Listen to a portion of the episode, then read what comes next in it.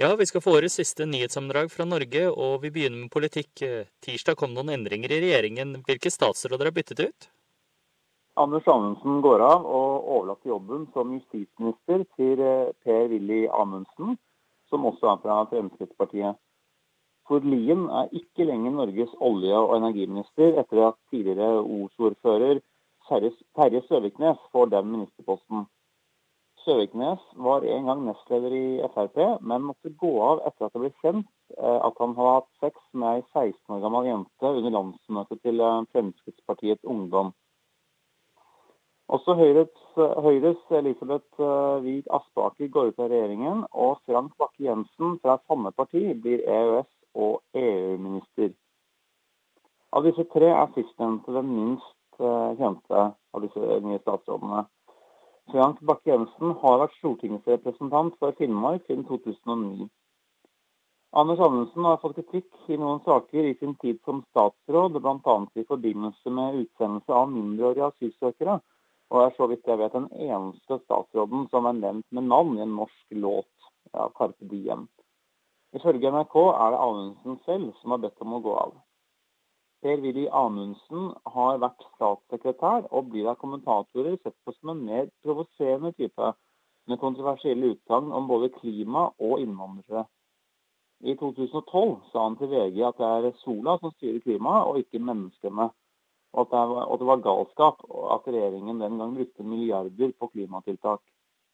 Venstre-leder Trine Skei Grande sammenlignet ham den gang med Sarah Palin.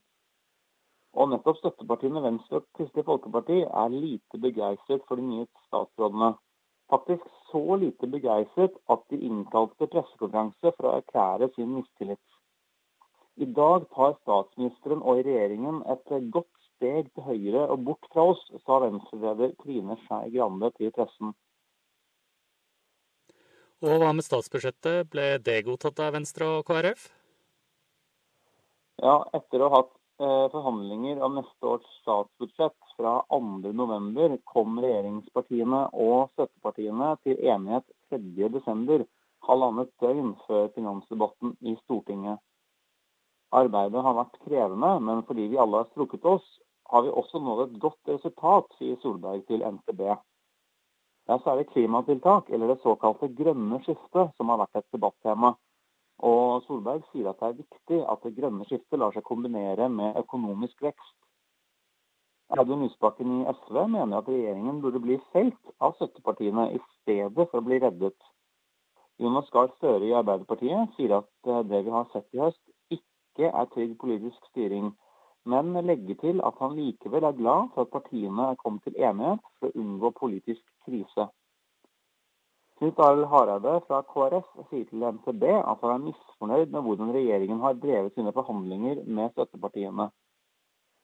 Trine Skei Grande sier at det er viktig at reell politisk uenighet kommer til syne, men innrømmer at det har vært vanskelige forhandlinger.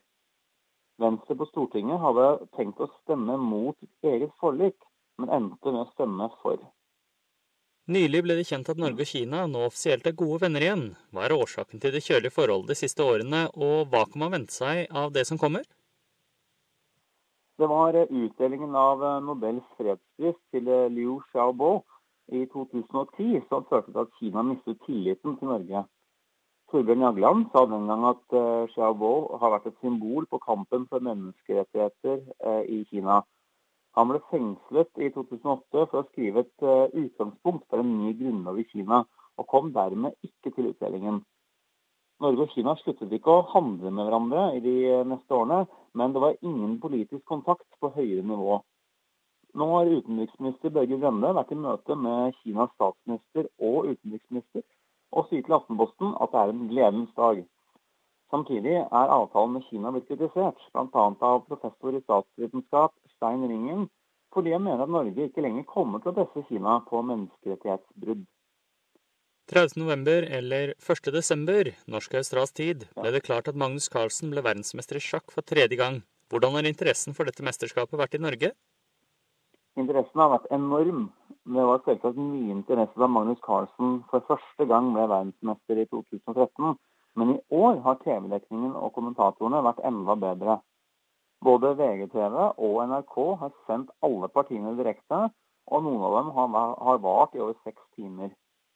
Det var eh, særlig spennende å følge med på ekstraomgangene med hurtigsjakk, men overraskende nok har hundretusener av nordmenn også fulgt med på de andre partiene, som normalt går sakte, og som i tillegg ble avgjort etter midnatt i Norge.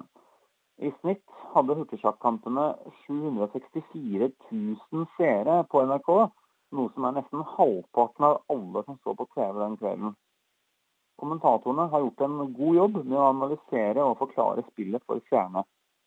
Jeg kan i tillegg nevne at jeg som lærer kan melde om stor interesse for sjakk på videregående skole. Noen elever har sittet oppe sent og ser på sendingen. Noen har spilt sjakk i timen, og på min skole så arrangerte vi faktisk sjakkmesterskap. Og Finalen ble vist i auditoriet med brett på stort lerret, og de mer enn 100 som var i auditoriet, kunne da følge med på kampen. Eh, I romjula så kan sjakkinteresserte få med seg nok et mesterskap, for da er det nemlig VM i lynsjakk og hurtigsjakk. Magnus Carlsen er for øvrig regjerende verdensmester i begge grener. Hvis noen skulle være i tvil, eh, hvilke land er Europas beste håndballdamer? Det er selvsagt Norge, eller kanskje ikke så selvsagt, siden det ble 30-29 over Nederland i finalen, så altså veldig jevnt. Dette ble det sjuende EM-gullet, og toppskårer både i denne kampen og i EM samlet sett ble Nora Mørk med tolv mål i finalen. Neste år er det herrenes tur, når det norske landslaget deltar i VM i Frankrike, og Norge spiller sin første kamp mot Polen 12.1. Det er noen uker siden Norge kåret norgesmester i fotball, men for ordens skyld, eh, hvilke lag er landets beste? I toppserien for kvinner var det LSK kvinner som var overlegne, som ikke tapte en eneste kamp. Og Da var det heller ikke så overraskende at de klarte å slå Røa 2-0 etter ekstraomganger 19.11. i NM. LSK kvinner har nå vunnet både serien og NM tre år på rad, noe som er rekord. så Derfor kan de kalle seg tidenes beste kvinnelag. Eh, Rosenborg var utvilsomt favoritter på Ullevål dagen etter, og slo Kongsvinger hele 4-0. Australske Alex Gersbach, tidligere spiller for FC Sydney, fikk være med de siste ti minuttene av kampen for Rosenborg. Også Kongsvinger har en australsk spiller, Dylan Murnane, som har spilt for Melbourne Victory. Han fikk derimot ingen tid på banen i cupfinalen. Og Norge har som eh, første land i verden tenkt å slukke FM-nettet. Når skal dette skje? Nordland blir første fylke som slukker eh, FM-nettet, og det skjer allerede 11.1 neste år. Men lokalradiostasjonene får likevel lov til å sende på FM-nettet. Riksdekkende kanaler skal ikke lenger være på FM-nettet i Norge 13.12. neste år. Det er den digitale løsningen DAB pluss som, som, skal erstatte FM. Og målet er både å spare penger og å tilby flere kanaler med bedre lyd uten støy. Norge begynte med digitale sendinger allerede i 1995, men det har vært mange protester mot slukkingen både blant publikum og politikere. Likevel blir avgjørelsen stående, og det betyr at et stort antall FM-radioer ikke lenger kan brukes, eller vil få svært begrenset bruk fra neste år. To av de viktigste litteraturprisene i Norge er Brageprisen og Bokhandlerforeningens pris. Hvilke forfattere vant disse? Brageprisen for beste klassen skjønnlitteratur gikk til Monica Isakstuen eh, for 'Vær snill med dyrene', som bl.a. tar for seg skilsmisse og barnefordeling. En av årets mest omtalte sakprosebøker er Åsne Seierstads 'To søstre', den tar for seg to unge muslimske jenter med oppvekst i Bærum som drar til Syria og gifter seg med jihadister. Bokhandlerprisen går i år til Vigdis Hjorth for arv og miljø. Boka har vært debattert fordi den utfordrer skillet mellom virkelighet og fiksjon, og tar for seg en vanskelig familiehistorie basert på egne erfaringer. Arv og miljø er også blant de bøkene som får best omtale av litteraturkritikerne i år. Og hvordan ligger det an med juleforberedelsene i Norge, og hvilke gaver kan bli populære i år? Ja, juleforberedelsene er travle som vanlig, og noen skal kjøpe inn gaver. og Da er det særlig bøker som gjelder. og Det kan være både skjønnlitteratur, tegneserier, biografier og fagbøker. Hvem og hvor er alltid en slager til jul i Norge, men den mest solgte ikke-skjønnlitterære boka nå, det er Åsen Seierstads To søstre. Jens Stoltenbergs Min historie ligger på andreplass, men også historien om barnestjernetvillingene Marcus og Martinus er svært populær i Norge nå. Jon Mislets romanserie om krigsseilere, 'En sjøens helt', har slått veldig godt an, og nå er det femte bok, 'Brennende skip', som gjelder. Den starter med D-dagen i 1944. Vigdis Hjorts 'Arv og miljø' er blant de mest solgte bøkene, men øverst på lista akkurat nå er likevel en krim, og det er Jørn Nier Horsts 'Hvor det mørkner'. Vi er i Stavern før jul i 1983, og politikonstabel William Wisting kommer bort i både et ran og en uoppklart drapssak. Når, når, det gjelder musikk, så kan jeg si at uh, verdensidolet Kurt Nilsen ga ut 'Have Yourself a Merry Little Christmas' helt tilbake i 2010.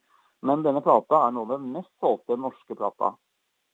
Nest øverst av de norske albumene er de allerede omtalte 14-åringene Marcus og Martinus med plata 'Together'. Og hvilke norske filmer går på kino i jula? Ja, Den mest uh, juleaktige norske filmen i år er uten tvil 'Snekker Andersen og julenissen', som hadde premiere i november. Det er den klassiske Prøysen-fortellingen hvor snekkeren og julenissen bytter jobb på julaften. Første juledag er det premiere på en annen populær barnehistorie, og det er Torbjørn Egeners 'Dyrene i Hakkebakkeskogen'. Det er Norges svar på Pixar, kristen animasjon, som står bak denne filmen, og den har fått gode omtaler i avisen allerede.